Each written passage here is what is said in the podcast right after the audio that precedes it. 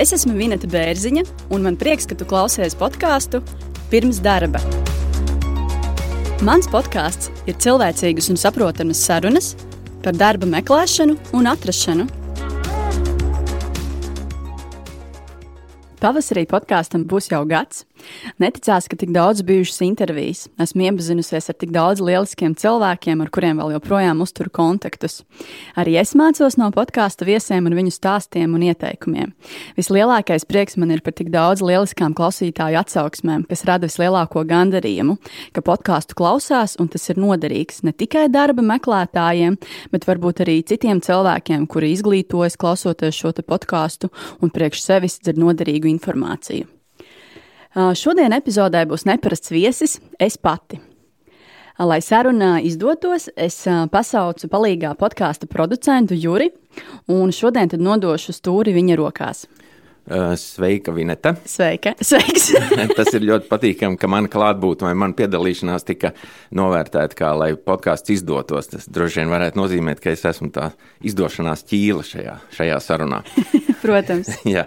Kāpēc uh, mēs izlēmām podkāstā kā viesu uzaicināt tevi? Jo tie daudzie tūkstoši klausītāji, kas ir pa šo gadu uh, dzirdējuši podkāstu, daudz no viņiem, protams, ir um, varbūt tā mūsu paziņas vai, vai bijušie kolēģi vai, vai kā savādāk tevi personīgi pazīst.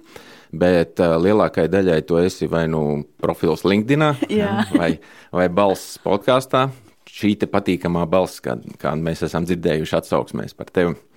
Un, tāpēc mēs nolēmām tiem mūsu klausītājiem, kuri varbūt nav pazīstami ar tevi personīgi, pastāstīt kaut ko vairāk par šo patīkamo balsi podkāstā. Bieži vien podkāstā ir tā, ka tās sarunas ir tādas, tā kā nu, cilvēks atnāk pie tevis uz tādu darba interviju. Jā. Šoreiz tu, bū, mēs būsim mainīgās lomās.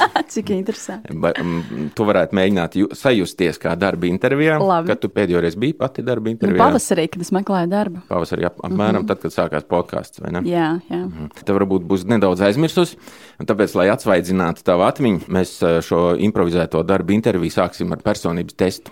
Ārprāts, labi. Ja. Es, starp citu, nesen pildīju. ja. nu, es tūlīt izpildīsim šo, un tad mēģināsim labi. saprast, ja, vai tur sakrīt, vai, vai tie, tie testa rezultāti ir līdzīgi. Uh, šis ir tāds ļoti īpašs tests. Šito ir izstrādājuši 26,000 amerikāņu un britu zinātnieku. Viņš ir ļoti nopietns. Jautājumi ir tie pieci. Mm -hmm. Jāatbild ir ļoti ātri, uzreiz. Labi, burtiski. okay. Ko tu smējies? nu, Man jau bail. jā, jā, bail. Nu, lūdzu. Tātad es nedošu jautājumiem numurus, jautājums skanēs, un tev jāatbild. Labi. Kaķis vai suns? Kaķis. Melns vai balts? Balts. Jūra vai mežs? Mežs. Rēnīgs vai dons? Dons. Kafija vai tēja? Tēja. Nu, re. Nemaz nebija tik sarežģīti, ne? Jā, personības, personības testu mēs esam veikuši. Rezultāti tur lielais dators apstrādās. Tuvāko divu nedēļu laikā tu saņemsi rekomendācijas par to, vai tu esi pareizajā vietā un tā visādi. Super gaidīšu. Tik tālu viss kārtībā. Šī darba intervija norisinās brīnišķīgi, un kā jebkurā darba intervijā mēs ķeramies pie mūsu kandidāta CV. Tas CV, ko es redzu LinkedIn. Labi. Mūsu podkāstā tādi uzticamākie vai senākie klausītāji varbūt atcerās pirmās sezonas trešo epizodi, kurā, kur bija par pirmajām darba pieredzēm. Jā, pat atceries šo jā, stāstu. atceros. Jā.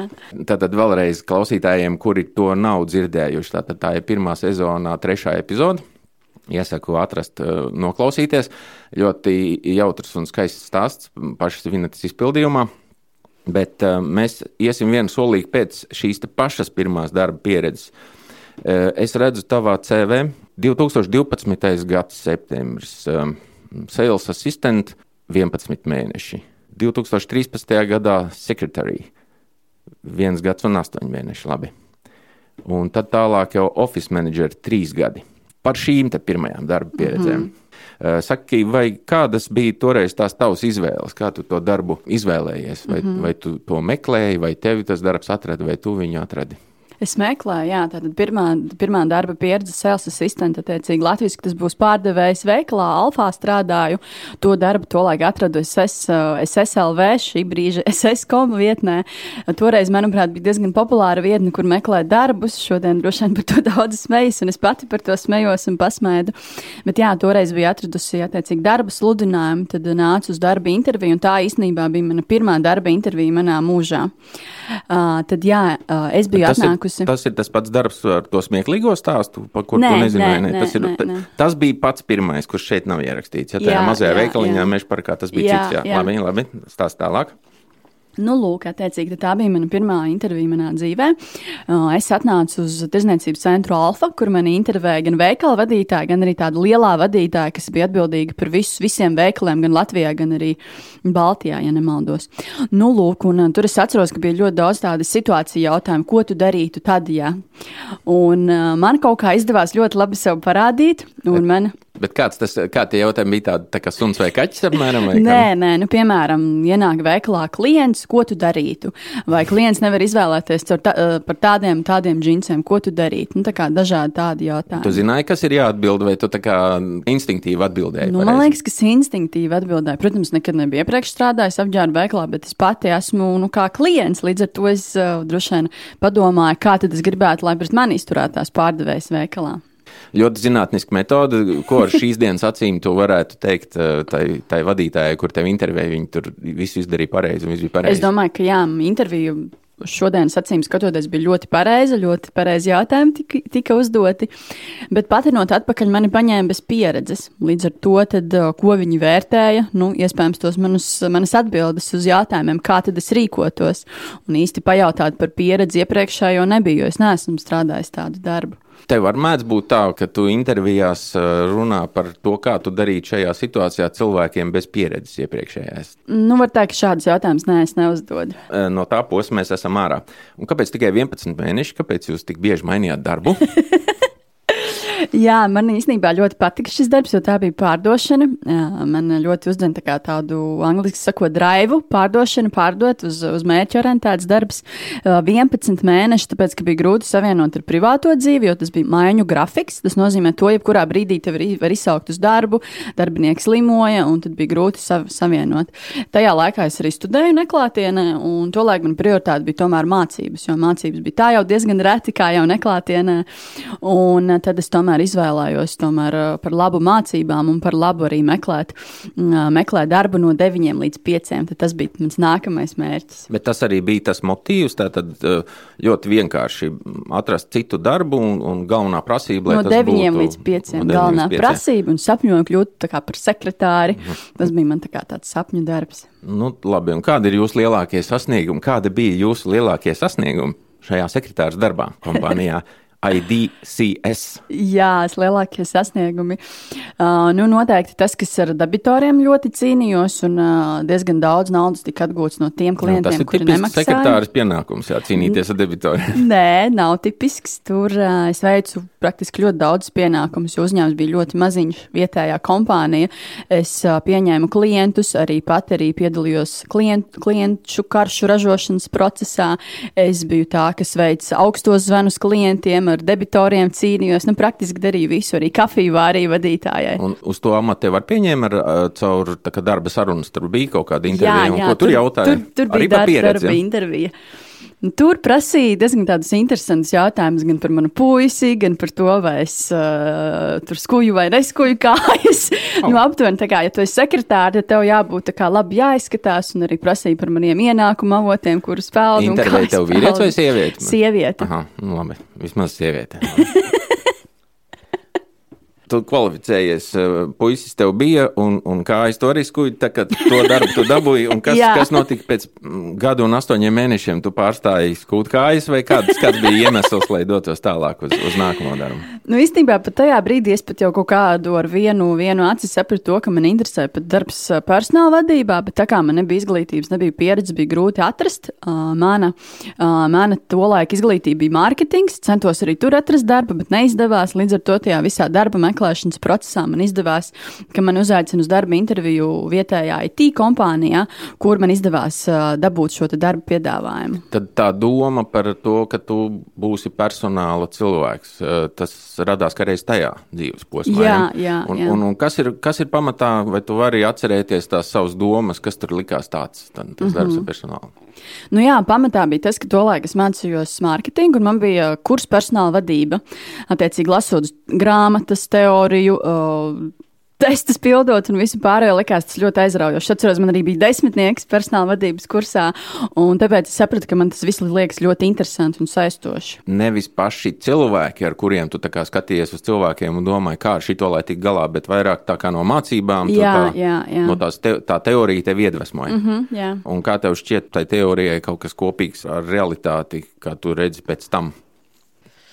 Nu, ar to ir sarežģīti. Es domāju, ne tikai personāla vadībā, bet daudzās nozarēs, ka tomēr tā teorija atšķiras ar realitāti. Nu, un bieži vien arī studentiem ir teiksim, pārsteigums, ka tu sāc strādāt konkrētā nozarē, ka viss, viss tomēr ir citādāk bet nekā ar, grāmatā. Bet ar ko tas atšķirās tādā ziņā, ka viss notiek daudz vienkāršāk, vai tur mācā lietas, kas, kas pilnīgi noteikti notiek otrādi dzīvē? Kāda ir tā, tā, kādas ir tās galvenās atšķirības tā principā?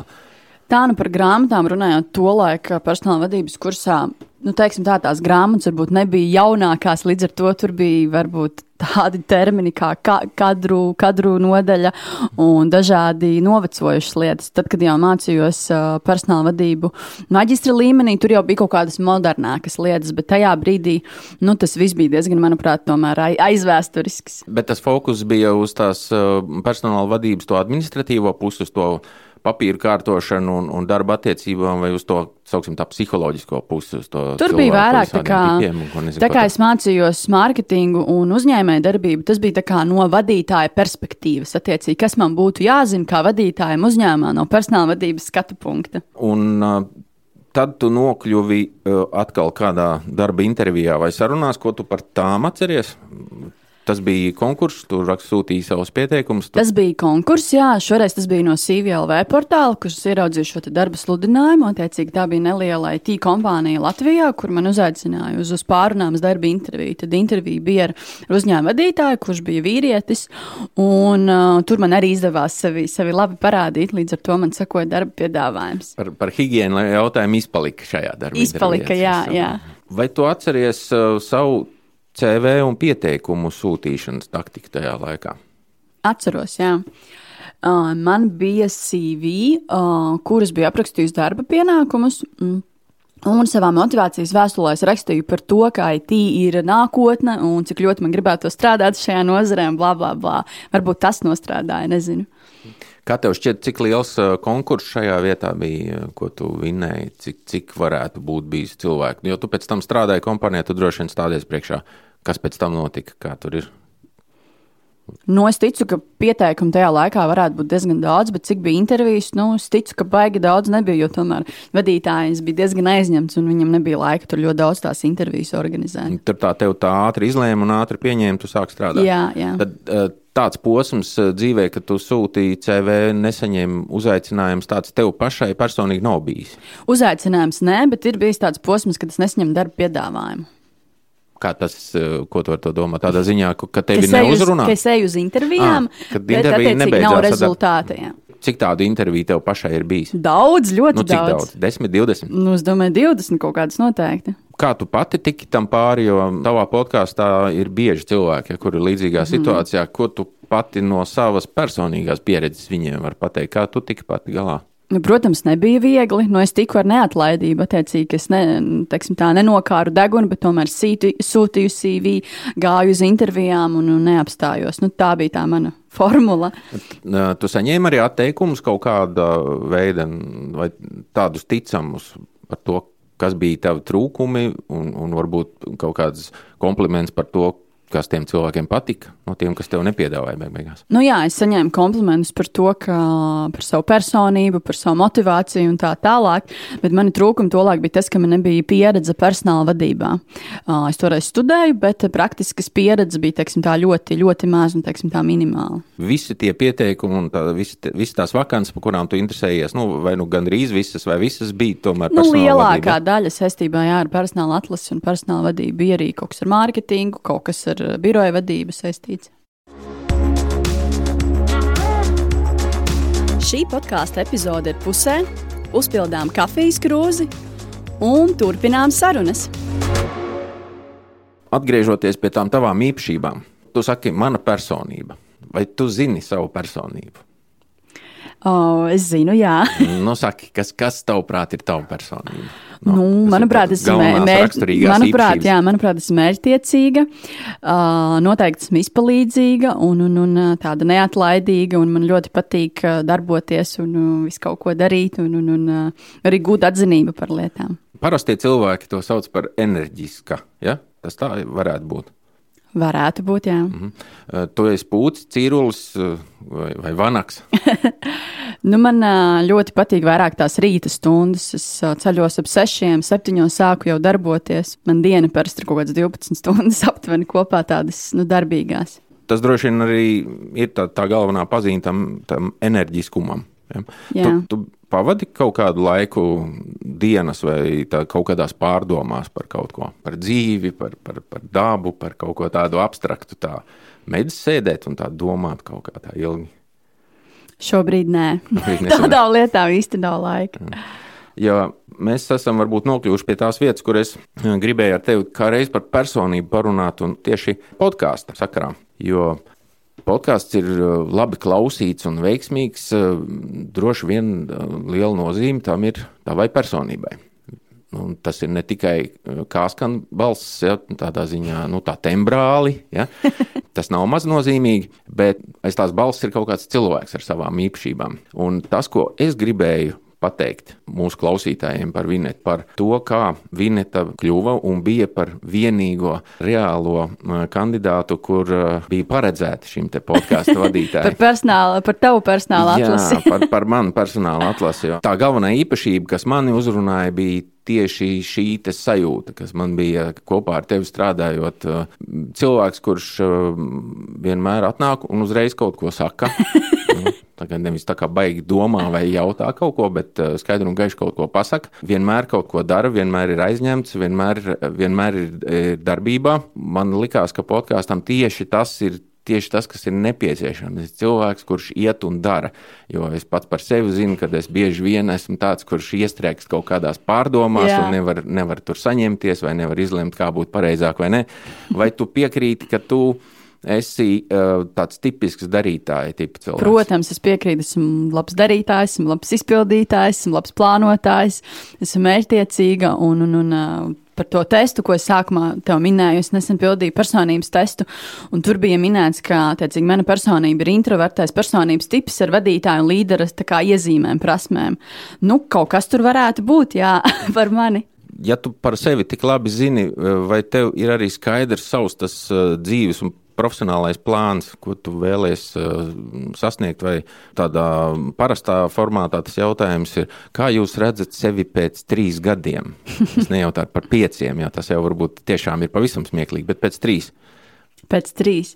Nu, es tā kā savu karjeru redzu piecu uh, gadu perspektīvā. Par trīs gadiem man būs tā grūtāk tev atbildēt. Bet, nu, jebkurā gadījumā, jā, tas ir tas, ko es jau šobrīd daru. Uh, man ļoti aizrauja personāla atlase. Tā ir viena lieta. Otra lieta man ļoti aizrauja palīdzēt cilvēkiem. Līdz ar to tad, uh, tas ir podkāsts, tie ir darba meklētāji, kuriem es labprāt sniedzu savu palīdzīgo roku gan ar padomu, gan ar coachingu. Līdz ar to esmu ļoti, ļoti priecīga, ka kādam varu palīdzēt tā ir tā tāda mana misija. Bet tā palīdzēšana, kā tev pašai šķiet, tev patīk tā sajūta, ka tu ar kādu cilvēku esi kopā un ka tu redzi, ka viņš emocionāli piedalās un jūs kaut ko kopā darat, vai tu tā kā pa mērķi tā palīdzēšana beidzās ar kaut ko, ka tu skaties, ah, cilvēks izdarīja to, var ielikt ķeksīti. Kas tur ir nu, svarīgi? Gan, gan, protams, man patīk uh, atsauksmes, man patīk kāda tā cilvēka izaugsme, man patīk uh, komunikācija un viss šis process. Bet par mēķi, protams, es nevaru neteikt, ka man nepatīk, uh, ka, piemēram, ja cilvēks nezinu, atrod darbu. Nu, tas, protams, ir viens no mērķiem. Es palīdzu cilvēkam, un ja viņš atrod darbu, nu, tas ir vienkārši super. Un es arī esmu tāds cilvēks pēc personības, kur man ļoti motivē mērķis, attiecīgi mērķi, un tas ir tas tā kā tāds dzīves virzītājs. Tāpēc teiktu gan, gan tas, gan tas. Vai tu vari pateikt, cik cilvēkiem pavisam konkrēti tu personīgi, nevis kā uh, uz, strādājot uzņēmumā, kurus tu esi pieņēmusi uzņēmumu darbā, bet cik tu kā kā šis te palīgs, coach, mentors vai vienalga, kas esi reāli palīdzējusi kaut ko mainīt dzīvē? Mm -hmm. uh, pēdējā pusgada laikā es domāju, ka tie noteikti ir kaut kādi 30 cilvēki. Daudz. Nu, ņemot vērā to, ka man ir pilna laika darbs un podkāsts, es domāju, ka tas ir ļoti daudz. Tur tu neieskaiti tos cilvēkus, kas tiksim, pēc būšanas podkāstā kaut ko ir pamainījuši nē, savā. Nē, nu, ieskaitu, ieskaitu ir... varbūt tādus, kuri klausās podkāstu, pēc tam man raksta, un es varbūt sniegus kaut kādus uh, padomus par CV un tā tālāk. Tos es ieskaitu. Es dzirdēju, tu arī LinkedInā pieteici savu tādu tā rakstu sēriju vai publikāciju sēriju. Pieminēji skaitli četras publikācijas, tur katrai bija kaut kāda tēma. Vai tu vari izstāstīt varbūt pāris teikumos par katru no šīm un ko lasītājs tur varēs ieraudzīt? Protams, jā, tad šis attiecīgi varbūt ir attiecināms nedaudz uz to palīdzēšanu, ka gribu, protams, palīdzēt darba meklētājiem un patīk arī radīt kaut kādas, um, kaut kādas lietas. Līdz ar to rakstīšana, manuprāt, ir tāds radošs process, ko es, uh, kuru šobrīd varu sev realizēt. Tad uh, viens raksts jau ir LinkedInā, varbūt tad, kad klausīsies šo epizodi, varbūt jau otrs būs, jo es to plānoju attiecīgi nākamnedēļ publicēt. Tad kopā ir četru rakstu sērijas tieši darba meklētājiem. Tā, tās ir tā kā mana pieredze, ko esmu iegūsi gan pašai kā darba meklētājai, gan um, kā personāla atlases speciālistai strādājot, gan sarunājoties ar darba meklētājiem. Tas tā tāds koncentrēts pārskats četros rakstos par darba meklēšanu un, un atrašanu. Pirmais uh, raksts, attiecīgi, kas jau ir publicēts, tas ir saistībā ar uh, savu mērķi, attiecīgi, ko vispār cilvēks vēlas un ko viņš grib saprast. Tātad Bet... es tur ir runa par kaut kādu metodi, kā saprast savu mērķi, vai tu raksti, raksti par to, cik tas ir svarīgi? Uh, tur ir gan, gan. Kāpēc jā, tas ir svarīgi? Es arī pieminēju, jo pirmkārt, tu, kad tu sāc kaut ko darīt, tīpaši meklēt darbu, tev ir jāsaprot, ko vispār tu gribi, uh, kādā nozarē strādāt, kādā amatā un tā tālāk. Jo tas ir ļoti saistoši saistīts ar CV, ar LinkedIn, ar darba intervijām. Ja tu nezināsi, tad visticamāk šis process iespējams būs neveiksmīgs vai netik veiksmīgs, kā tu gribētu. Nu jā, droši vien cilvēkiem, kuri nezina savu mērķi, katrā ziņā varbūt grūti novērtēt, cik cik viņa dzīve ir veiksmīga vai neveiksmīga, bet katrā ziņā palīdzēt kāda viņam no malas nekā īsti nevar. Jo, ja tu nezini, ko viņš grib sasniegt, tu pats neesi tas cilvēks, nu kā tu viņam var kaut ko nu, tieši palīdzēt. tā, es nekādīgi nevaru. Tev ir vajadzīgi cilvēki, kuriem, kuriem ir mērķis, vai tu ieteiktu cilvēkiem ar mērķi, tad kas tālāk citos rakstos vai, vai šajā pašā? Jā, tad šajā vēl es arī piedāvāju tā tāda paškaučinga metodi, kur uzdod konkrētus jautājumus sev, lai tad saprastu, kā varbūt vispār rīkoties šajā darba meklēšanas procesā, ko cilvēks iepriekš jau ir darījis kas viņam var palīdzēt un tā tālāk. Uh, tie tā kā tādi nu, jautājumi, kuru cilvēks var veltīt, piemēram, aptuveni stundu, apsēžoties ar papīra lapu un zīmolu un atbildot sev uz jautājumiem. Jo cik uh, es ticu, ka ļoti daudzi to nemaz nav izdarījuši pirms sākt meklēt darbu.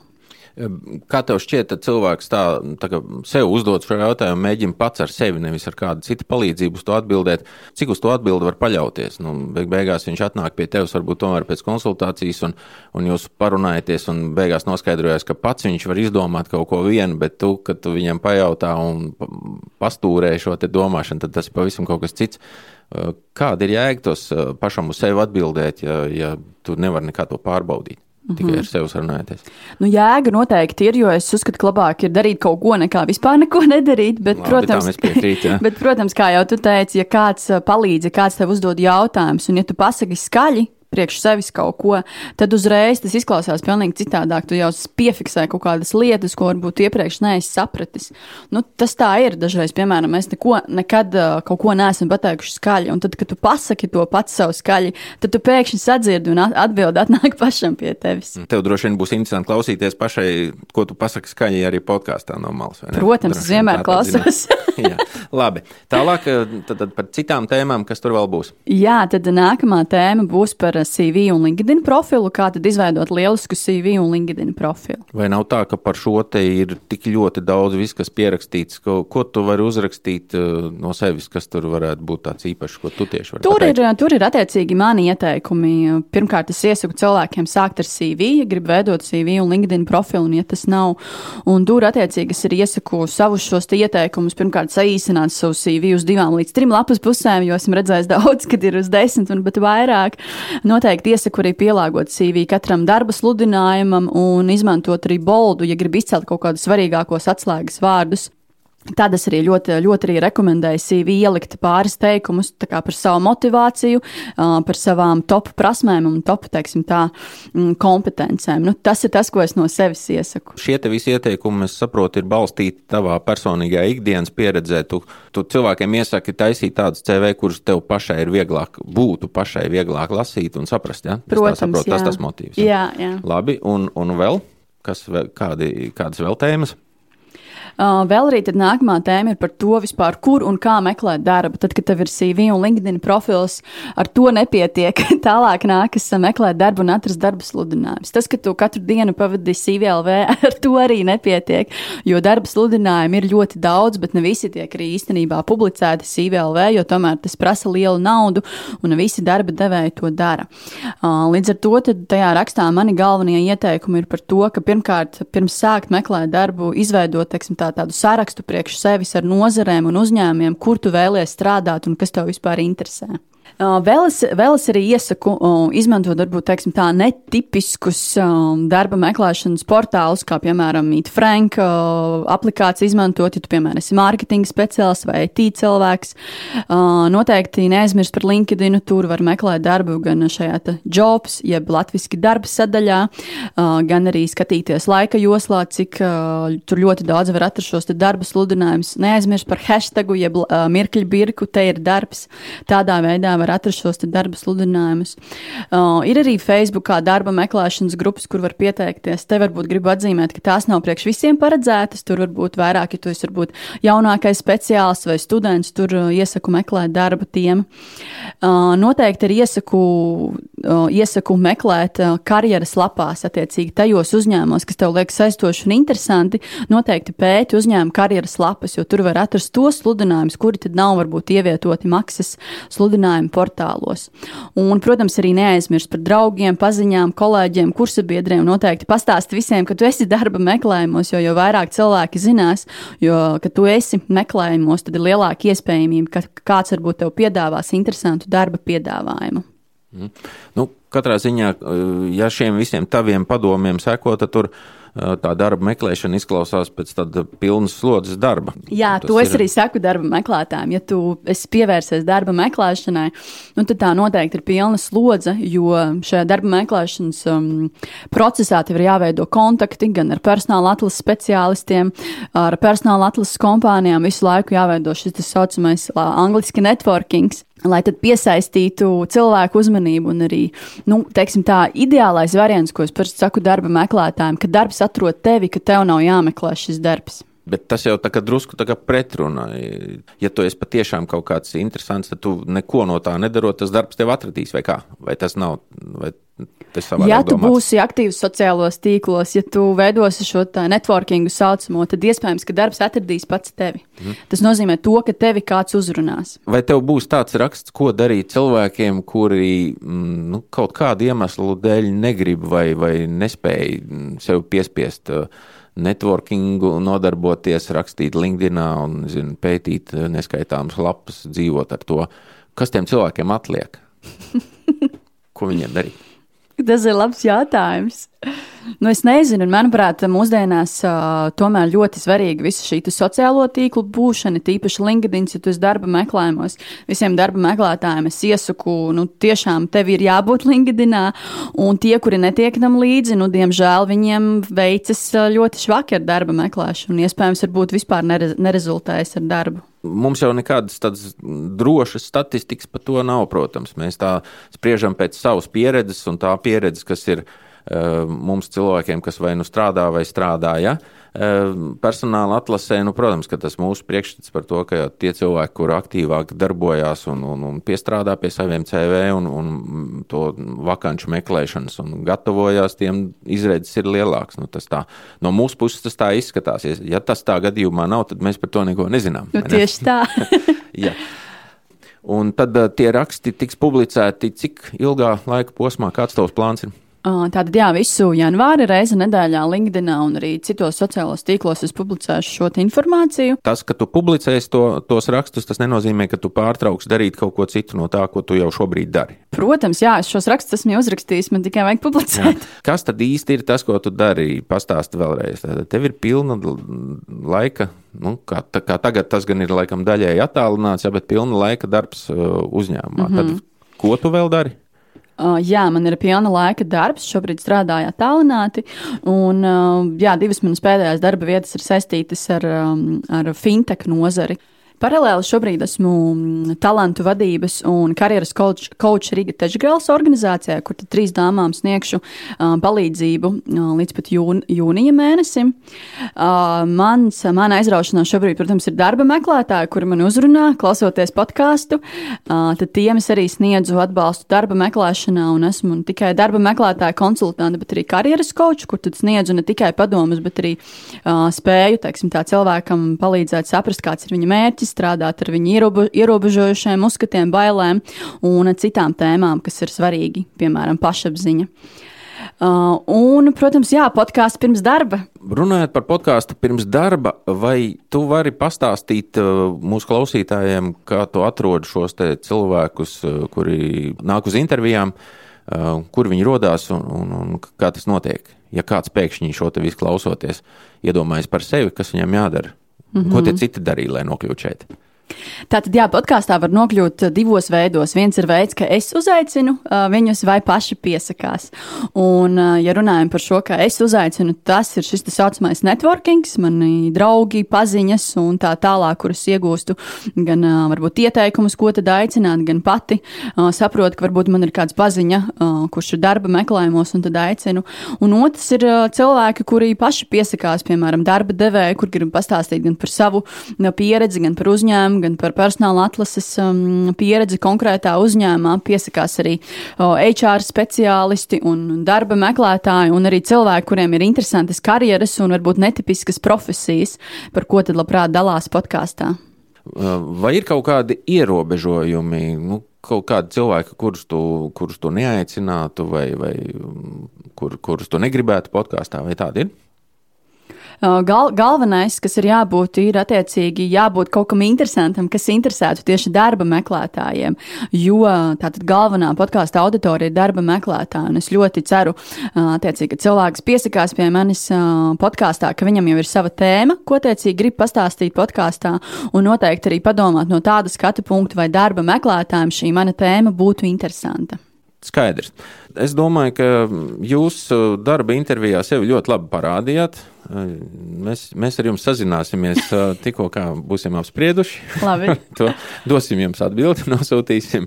Visticamāk, ka jūs saņemsiet šo darba piedāvājumu arī turpmāk, vadīt podkāstu pirms darba. Un, un patiesībā es ceru, ka arī klausītājiem bija interesanti paklausīties, kā, kā Vineta atbild uz, uz tiem jautājumiem, kurus viņa pati uzdod kādam citam parasti. Paldies par sarunu!